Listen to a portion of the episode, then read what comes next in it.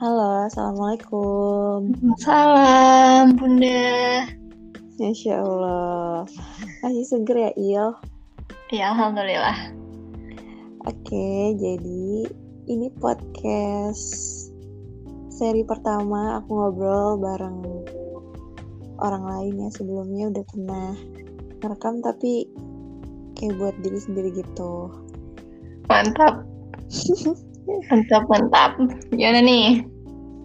Kaget loh aku diajakin. Iya, kan masih baru-baru nih. Jadi mau undang yang masih fresh. Jadi ini podcast aku.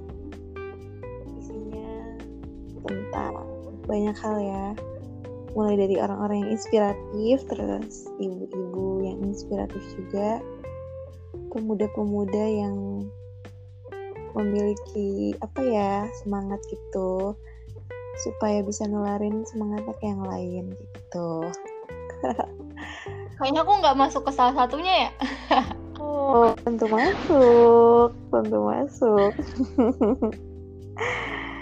ya. Oke. Okay. Oh, kamu lagi di rumah aja kan ya? Iya, ini lagi di kontrakan. Alhamdulillah. Alhamdulillah. Nah, kegiatannya sekarang apa nih? Selama, hmm, selama karena di rumah aja ya di musim corona banyak ikut kelas online. Hmm. Terus ngefilm walaupun agendanya lagi nggak banyak. Apa ngefilm? Terus ngefilm. Habis itu ini sih paling ngerawat kaktusku yang lucu-lucu. Masya Allah. Tetap produktif ya Il ya. Ya semoga diusahakan. Yoi yoi. Ya jadi sebenarnya santai aja sih. Aku mau nanya-nanya atau ngobrol sih lebih tepatnya tentang perjalanan. Ya perjalanan. Waduh. Udah lama nih nggak perjalanan, nggak bisa soalnya lagi corona. nah itu justru mau ngobrolin tentang perjalanan selama beberapa tahun ke belakang ya kan. Kan udah ke mana-mana yeah. tuh Il ya kan dari uh, ikut kegiatan di mana ngecamp itu di daerah yang Kusta itu ya. Iya benar salah satunya. Nah itu gimana tuh? Boleh diceritain nggak kira-kira perjalanan Il dari awal. Hmm, dari awal masuk kuliah sampai sekarang. Perjalanan ini loh tentang gimana sih kamu menemukan teman-teman uh, yang nih. Kayak ya, kuliah cukup banyak memberikan pelajaran sih ke diri sendiri ya yang paling berdampak aja buat dia. Jadi sebelumnya ini saya akan open dengan oh iya. uh, dengan sebuah sebuah ini aja sih. Ini fakta yang fakta kuliah. Jadi sebelum kuliah itu aku emang udah benar-benar berprinsip mbak aku nggak mau jadi orang pendiam gitu. Hmm, satu gitu. Tentunya perjalanan kuliah sampai saat ini tuh dipengaruhi banget sama pemikiran aku yang kayak gitu dari awal. Hmm. Terus ya gitulah mulai mulai ikut beberapa agenda. Sebenarnya anaknya suka sosial sih ya. Iya. Sebenarnya. Jadi salah satunya ya ikut tadi itu camp namanya dari Leprosy Care Community. Itu komunitas peduli kusta gitu. Jadi kerjasamanya sama hmm, salah satu apa ya ini NGO atau lembaga hmm. funding gitu dari Jepang. Jadi camp ini tuh ya tujuannya itu buat stop diskriminasi ke orang-orang kusta. Sebenarnya aku nggak tahu ada acara ini, jadi dulu tuh dikasih tahu sama kakak kelas diajakin daftar. Jadi pertama kali saat itu tuh hmm. aku Jadi kamu ikut itu karena awalnya diajak ya? Ada nggak sih? Jalan kuliah, kenapa mbak? ya ada nggak sih kayak alasan kan selain alasan diajak pasti ada alasan lain kamu tertarik buat ikutan ngecamp ya di daerah Kusta itu di mana sih tepatnya kalau boleh tahu mm, mm, mm. ini jadi sekedar informasi aja jadi sebenarnya kamu rehabilitasi itu ada di lumayan lumayan ada banyak lah di Indonesia termasuk di luar Jawa. Cuma kalau oh, di iya. Jawa sendiri termasuk yang masuk ini ya tatanan campnya LCC itu pernah ada di Sitanala di Tangerang. Terus eh Anda kan orang Tangerang ya? Ada di Sitanala. Cuma yang di sini tuh udah cukup berdaya gitu jadi biasanya cuma mini walk camp yang tiga harian gitu doang. Terus ada di Jepara itu di Donorojo namanya. Dekat mm -hmm. sama Pulau Mandalika gitulah ujung di pantai. Di dekat benteng Portugis. Terus ada yang di tempat aku ngecamp tuh di Ngangat. Kebetulan tuh di Tuban kamu halaman aku. Dan itu aku baru tahu sih aku nggak nyangka gitu waktu itu. Cuma memang tempatnya agak jauh dari rumah aku. Hmm. kayak satu setengah jaman gitu lah kalau naik motor. Itu tempatnya kayak terpisah dari kota gitu atau nyatu iya. pemukiman gitu kalau dari kotanya jauh, dari jalanan utama juga lumayan. Jadi kita harus ngelewatin kayak uh, hutan pinus mini gitu lah buat masuk ke kampungnya. Oh, tapi jalanannya udah bener kan maksudnya nggak yang rusak gitu? Nggak sih, alhamdulillah udah bagus. Oh, iya. Pas aku ke sana ini ini yang ini ya ini yang diingat ya. Jalannya udah bagus. Tapi aku pernah juga main di Donorojo yang di Jepara. Itu hmm. masih parah banget gitu. Jadi jalannya beneran jelek ke ke kampungnya itu. Hmm, berarti kudu ini ya perjuangan juga ya ke sananya. Kan ngelewatin jalan yang nggak enak itu kan juga usaha gitu. Iya lumayan Pun biasanya ada yang jemput ya warga warga sendiri sih biasanya yang jemput pakai motor gitu. Ada nggak sih kayak pengalaman selama di sana yang berkesan dan punya arti gitu, punya makna buat Iil. Jadi kayak seperti beberapa background apa ya beberapa kondisi yang tadi udah aku sampaikan jadi sana emang bukan kampung yang hmm, berdekatan secara langsung gitu, berdampingan langsung sama eh, wilayah-wilayah uh, warga pada umumnya. Mm-hmm. Jadi tahu lah ya ada sedikit diskriminasi di sana tuh juga kayak warga yang dari kampung Kusta itu memiliki keterbatasan akses ke misal pendapatan karena ini waktu itu kita ngadain survei kecil-kecilan juga kayak di pasar yang ada di dekat sana dan lain sebagainya. Dan yang em ya emang diskriminasi itu still exist gitu. Yang kita nggak pernah tahu dan mungkin nggak kepikiran gitu ya ternyata itu ngefek banget gitu. Dan kedatangan campers-campers kan di tempat aku waktu itu ada campers Jepang juga. Jadi itu jadi salah satu kayak pintu pembuka gitulah buat pandangan masyarakat oh itu kok mahasiswa mahasiswa mau ke sana ya? Paling nginep dua minggu kan kita. Hmm. jadi itu tuh sedikit membuka masyarakat. Kita adain acara juga yang open gitu buat orang luar. Jadi kayak ya, apa ya ternyata kalau kita main lebih dekat lagi tuh ada gitu kasus-kasus yang kayak itu terus jadi lebih bersyukur aja gitu. Karena di balik berkumpulnya mereka di satu wilayah itu ada kisah kelam yang menurut aku itu sulit banget sih sebenarnya diceritain. Tapi kayak beliau-beliau mau sharing gitu dan ya semoga bikin kita jadi lebih ini aja sih memaknai hidup. Berarti orang-orang di sana tuh kayak semuanya kusta atau ada yang nggak kusta? Uh, ada ada keturunannya yang enggak gitu. Yang emang udah lama banget di sana. Oh berarti hidupnya berdampingan ya? Mm -mm. satu kampung gitu? Iya. Tapi okay. ya paling yang normal ya ini sih.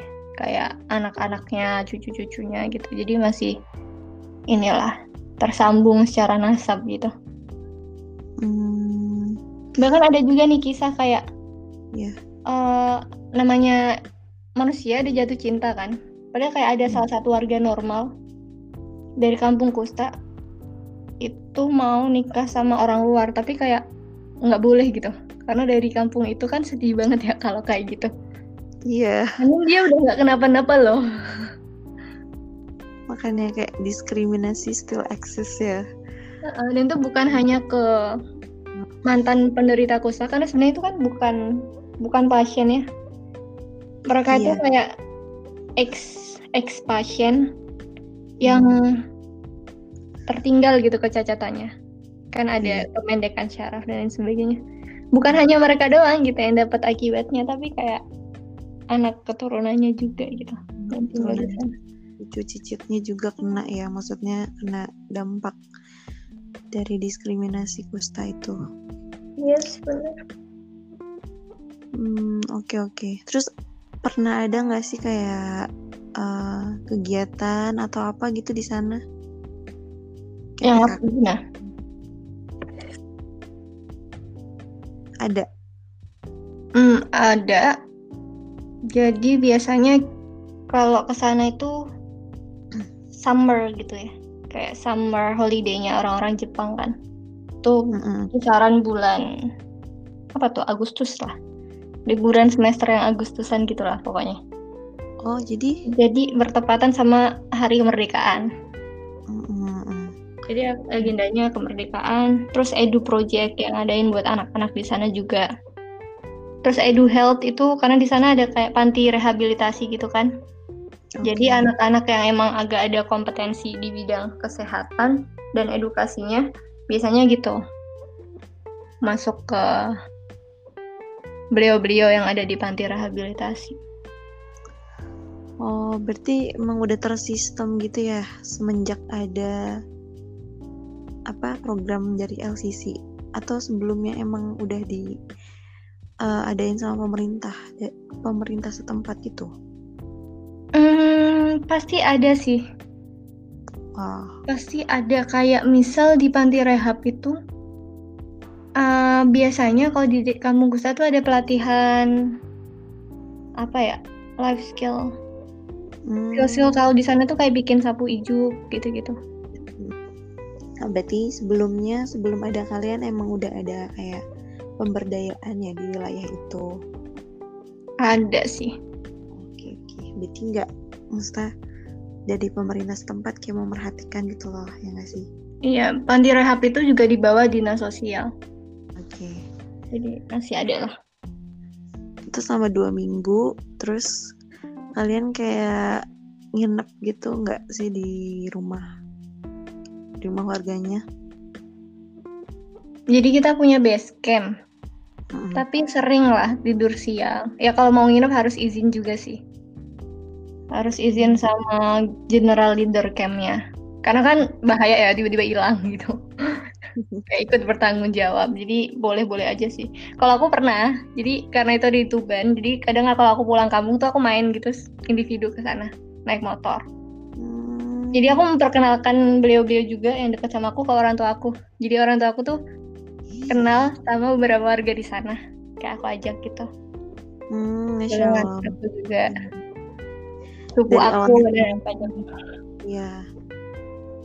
Jadi Iil yang mengenalkan apa tuh namanya eh, orang-orang yang di Banget itu ke lingkungan terdekatnya Iil gitu ya. Mm-mm. benar Allah. dikit ya belum luas banget Iya, jadi biar timbul awareness-nya ya kayak kesadarannya bahwa ternyata ada loh lingkungan orang-orang yang eh, di apa dalam tanda kutip dikucilkan gitu ya. iya benar Hmm. Oke oke oke itu kan cerita dari nganget ya. Nah lanjut nih kira-kira nggak eh, selain dari nganget tuh ada lagi nggak kayak eh, kegiatan atau hal-hal yang kamu sukain dan itu bikin kamu tuh jadi engeh gitu. Ternyata tuh uh, berpotensi di sini gitu atau aku tuh seneng di sini gitu hmm. kegiatan akademis kegiatan akademik itself itu udah kayak cukup membantu aku menemukan diri juga sih karena eh kita sama-sama anak FKM ya Iya. Paling tahu bahwasanya kayak kegiatan akademik kita juga ya beberapa ada yang di lapangan. Dan dari sekian kegiatan lapangan, aku itu adalah orang yang uh, hobi disuruh berbicara. Oke. Okay, Baik itu jadi... presentasi kelas atau misal sosialisasi PBL misal atau KKN. Disuruh speak up.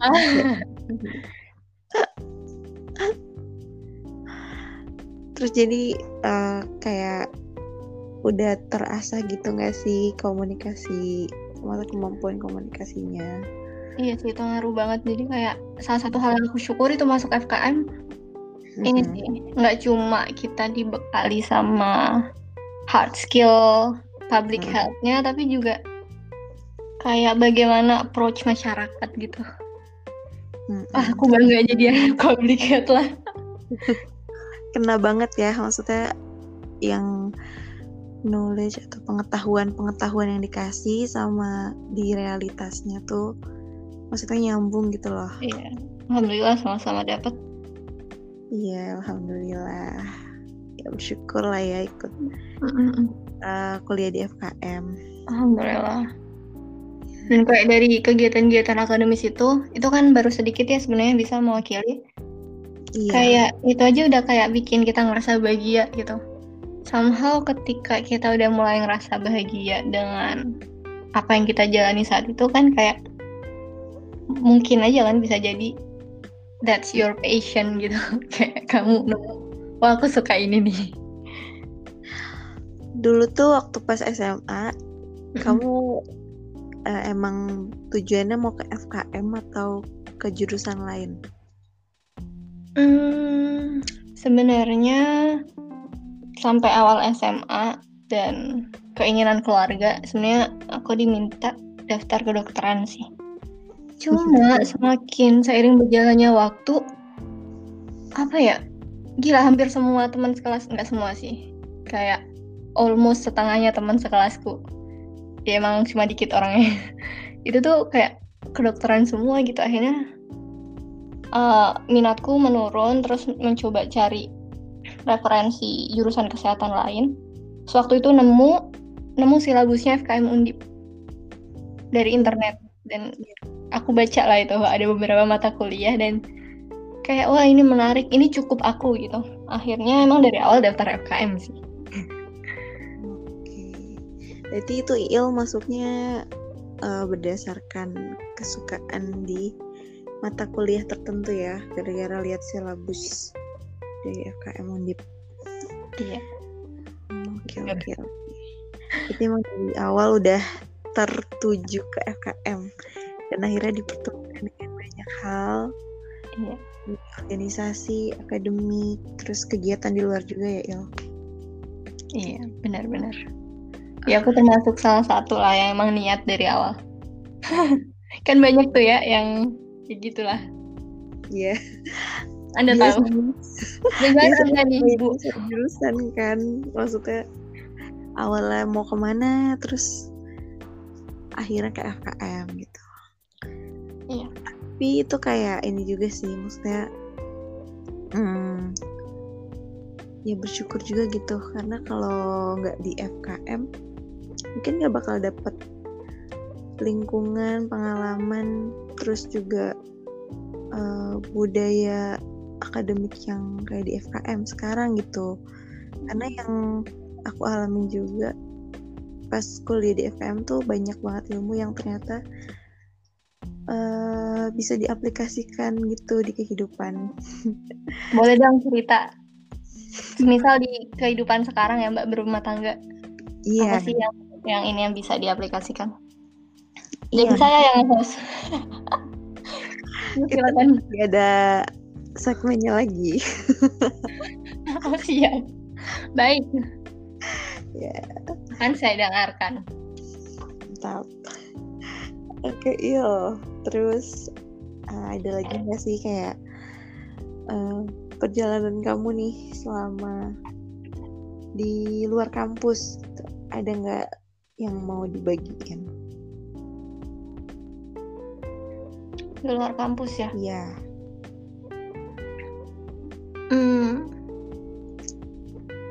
Aku sebenarnya banyak beraktivitas di kampus sih.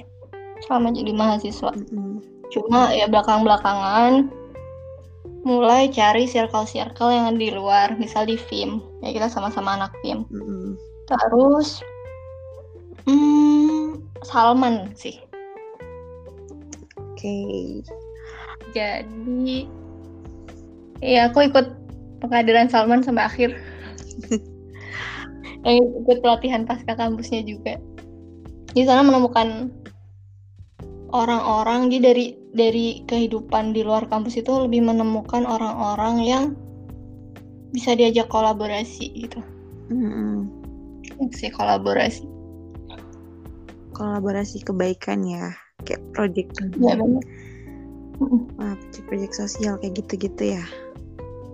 Iya bisa sosial atau misal kemarin proyek buku. Iya sosial juga pernah sih. Mm-mm-mm. Itu bisa diceritain gak sih gimana atmosfer orang-orang di sana? Terus kamu kecipratan apa aja? Hmm. Aku tadi bicara dua dua ini ya dua hal yang beda ya. Ah, Saya ada Salman, satunya Film. iya. Yang walaupun duanya tuh punya irisan circle yang sama sebenarnya. Aku yang aku amazed gitu. Pas sadar Iya. ternyata anak Film yang ini dan anak Salman juga. Jadi bisa nostalgic gitu. Kayak itu nostalgia. Iya sama-sama eh. maaf. Satu lingkaran. Iya, ternyata banyak yang kayak gitu. Kalau dari Salman, ya karena itu masjid peradaban, jadi kita banyak dapat input-input pemikiran tentang peradaban sih. Kalau dari Salman ya. Gimana tuh Il? Wih, tapi ini nyambung sama judul podcast ininya ya. Iya iya. iya. Ada peradabannya, aku baru sadar. Iya, kita ngomongin peradaban sekarang. Hmm, apa ya, bahwa sesungguhnya masing-masing individu tuh punya role-nya masing-masing gitu untuk menuju peradaban itu. Nah, menurutku sistem di Salman ini cukup hmm, apa ya integratif gitu ya. Dia dia dia dia dia terintegrasi dengan cukup baik gitu dalam merumuskan ini dari segala bidang tentu saja. Kayak misal, hmm, kalau di Salman tuh ada pelatihan pasca kampus, ada misal ada intelektual muda, ada buat pegiat sosialnya, negarawan muda. Terus ada juga yang entrepreneur. Jadi sebenarnya banyak bidang-bidang yang itu kalau misal kita tautkan itu ya ujungnya peradaban kayak gitu. Hmm. Kalau Jadi kayak bikin kita punya mindset ya kamu kalau misal beraktivitas coba deh diniatkan diniatkannya tuh lebih untuk mimpi yang besar gitu. Mimpi itu ya peradaban kayak gitu. Hmm. Jadi memang digembleng ya secara mental dan apa namanya pemikiran ya bahwa ujung dari perjuangan kita tuh memang peradaban ya nggak sih? Benar-benar bisa kayak gitu. Terus kalau kamu guru fokusnya ke mana? kenapa? Kalau Il fokusnya ke mana? Kalau kemarin sempat ikutnya School of Society sih. Jadi lebih ke aktivitas sosial. Oke. Emang udah menjurus ya kalau kamu kayaknya dari awal banget. Dan Hmm. relate sih sama hasil talent mapping. Oke. Kalau kamu Iya. apa? Hasil talent Kenapa? mappingnya tuh apa? Intinya tujuh talents utama aku itu mengarah ke hal-hal interpersonal Mm-mm. yang berhubungan sama orang-orang. Oh iya. Jadi pendukung banget aku buat jadi social servant gitu. Kayak kayak pelayan sosial. Oke. Relate sama jurusan, terus relate sama aktivitas beberapa aktivitas yang selama ini udah aku lakuin. Mm-mm. Berarti memang bukan sebuah kebetulan ya itu kayak udah Iya ternyata. Oh. Iya nggak sih? Mappingnya baru tapi kayak pas menyadari Mm-mm. Iya ternyata sama ini Allah itu udah kayak ngasih jalan Mm -mm. buat itu di inline kan gitu sama hasil talent mappingnya Mm -mm. tanpa aku sadari ya Iya, dari awal. karena aktivitas yang dilakukan juga menjurus ke interpersonal itu sendiri nggak sih? Hmm, bener. Hmm. Iya berarti ya kita eh, inilah beda-beda tipis. Iya. Sepakat sama sih kayak gitu. Cuma jalannya memang kayak beda. Iya. Oke, Baik-baik. oke, oke. Terus habis itu kan itu Salman tuh. Masih ada lagi nggak yang mau ceritain? Salman selain kamu nemuin uh, konteks peradaban itu, mungkin ada yang lain? Atau mau langsung ke film? Eh ya garis besarnya itu tadi sih. Kalau perintilannya ya tentu pasti ada kayak jadi punya teman spiritual yang lain Oh iya iya. dan lain sebagainya. Jadi kalau misal Salman tuh nge-provide aku dengan apa ya orang-orang yang bisa diajak sharing mungkin dari segi spiritual gitu ya. Oke. Nah kalau film itu banyak aksinya. Mm-mm. Walaupun aku juga ketemu teman spiritual juga di film. Ya jadi Itu yang aku nggak nyangka gitu bisa ketemu circle yang bisa ngaji bareng gitu-gitu di film. iya bener banget. Uh, Tapi karena hmm, profil orang-orangnya kan apa ya aku ngerasa remahan banget gitu sih awalnya pas di film. Apalagi saat di nasional ya.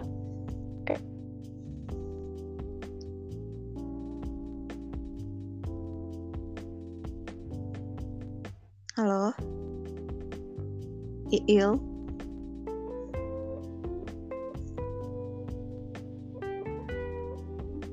Suaranya hilang. Oke, kita lanjutin lagi ya.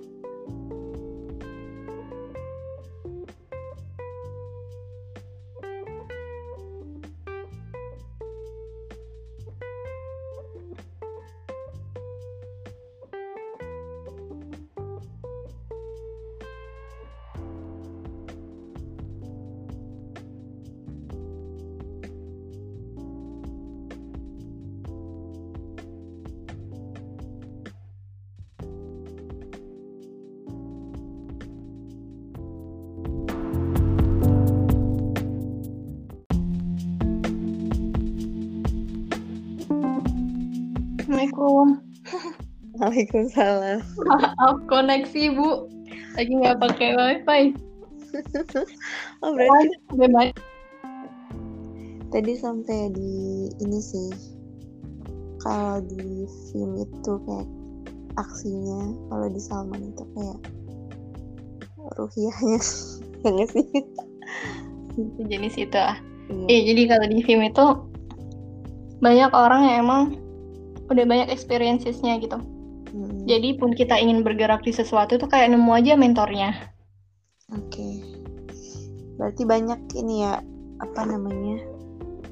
Banyak aktivitasnya di sana, terus udah ada mentor yang emang dia udah mumpuni di bidangnya gitu ya. Tuh, Tinggal pilih-pilih doang kan, mau berguru ke siapa. iya, iya banget itu kayak gitu sih. Kalau kamu ada rencana sesuatu gitu nggak? Buat apa gitu? Kolaps-kolaps. Hmm, kemarin udah sempat ada beberapa kolaborasi sih. Mm-mm. Buku itu satu, tapi ya itu buku angkatan lah ya. Terus sebenarnya dulu tuh pernah diajakin kayak ngerintis bisnis eh, fotografi gitu. Nah aku bagian administrasinya lah. Cuma emang karena beberapa kendala dia agak mandek gitu di tengah jalan. Oh, ini sama anak-anak ini sih 20 oh, anak film 20 ya. ya anak-anak 20 Hmm. kalau 21 tuh aku sampai bingung tuh karena kayak banyak banget grup-grup selain grup angkatan itu. Yang gak jelas sebenarnya kayak tapi kadang ada hal-hal random yang tiba-tiba muncul dari orang-orang ini kayak bikin ini ya bikin ini ya gitu gitulah gitu. Iya. Idenya ya selalu ngajak ke arah apa? Kebaikan gitu ya Il ya? Iya insya Allah insya Allah ya walaupun ada aja lah grup random kayak grup sambat gitu. Jadi nggak yang sepaneng bikin sih. liburan terus tapi ada juga ya kayak heboh hebohnya iya benar. Lucu yang nggak jelas nggak jelasnya gitu. Iya. Itu sih yang bikin kangen dari film ya ya ya ya. Kan masih nge-film sekarang. Oh iya. Alhamdulillah alhamdulillah ya bentar lagi kan kamu ya? Apaan? Enggak bentar lagi. Bentar lagi kamu. Aku? Ngapain aku? Bentar lagi kan kamu ini selesai studinya amin.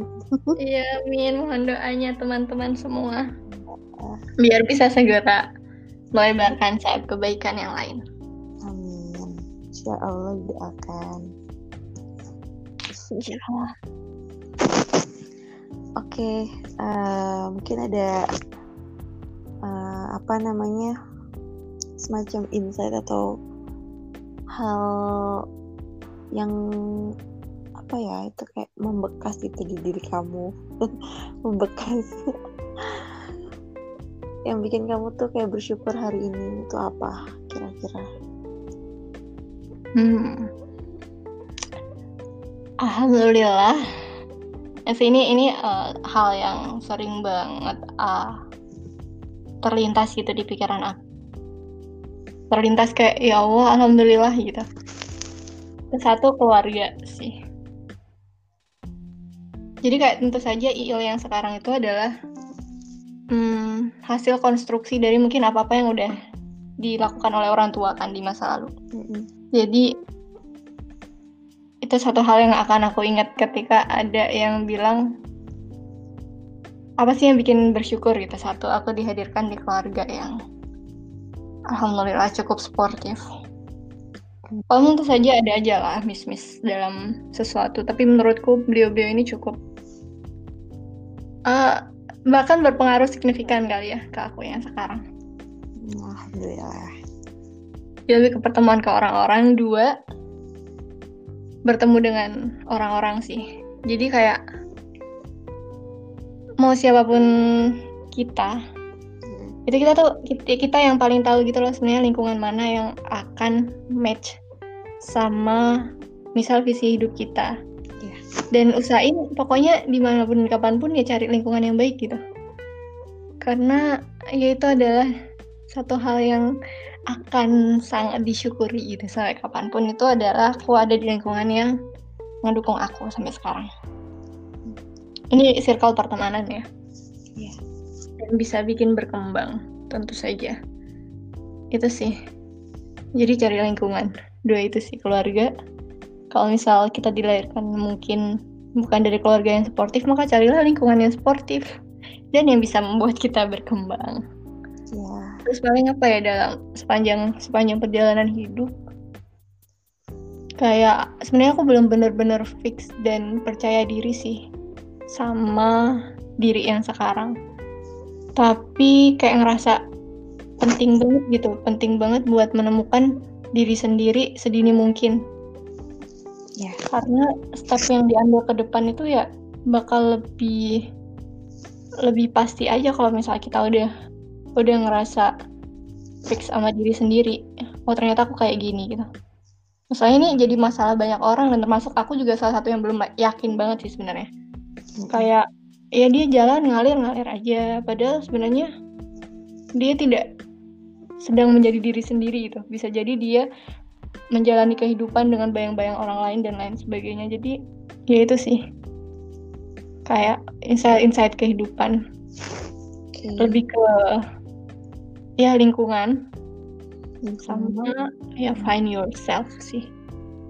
Karena itu penting banget kata aku sih. Oke,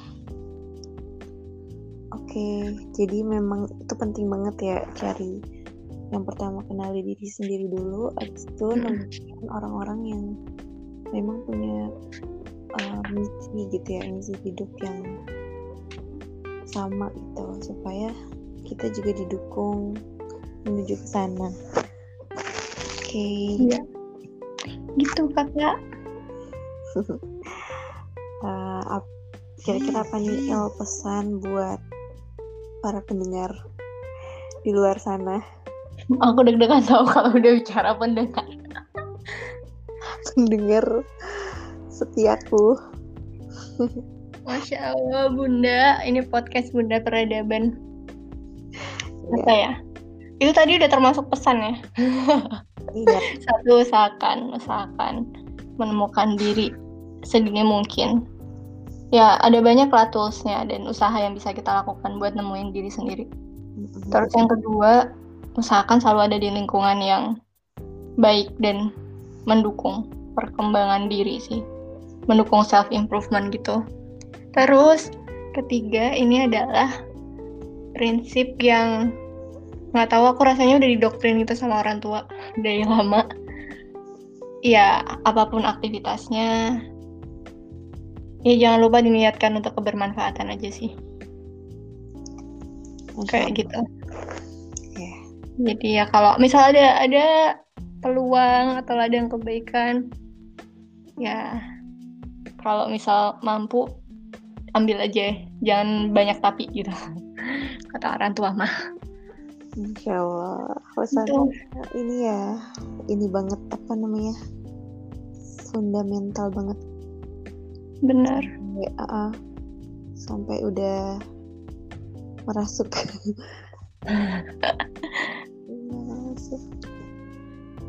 Ini ini pendengarnya kebanyakan apa sih?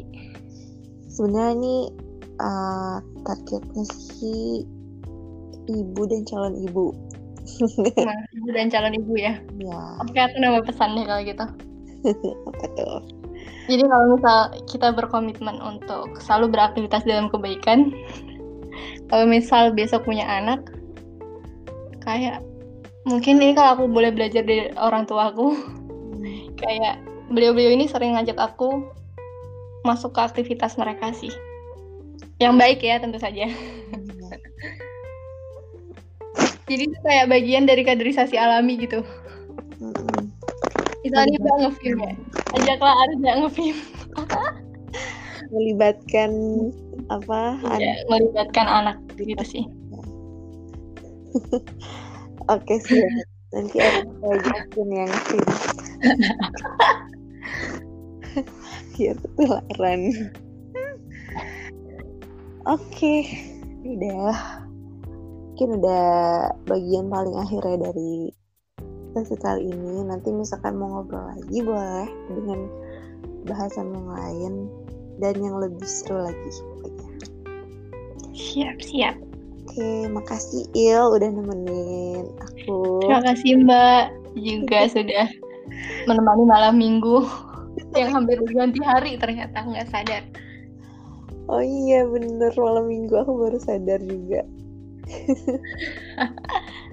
Iya udah yang udah ada yang punya mah nggak sadar lah mana yang malam minggu mana yang enggak. aku malah ditinggal tidur dong. Curhat lagi ya. ya nggak apa-apa. Ya udah mungkin uh, cukup sekian dulu. Semoga apa yang disampaikan dan yang udah dibagikan itu bermanfaat Amin ya Allah. Ya, yang kurang-kurangnya udah. Ian, makasih Il. Sampai ketemu lagi. Assalamualaikum warahmatullahi wabarakatuh. Waalaikumsalam warahmatullahi wabarakatuh. Selamat malam.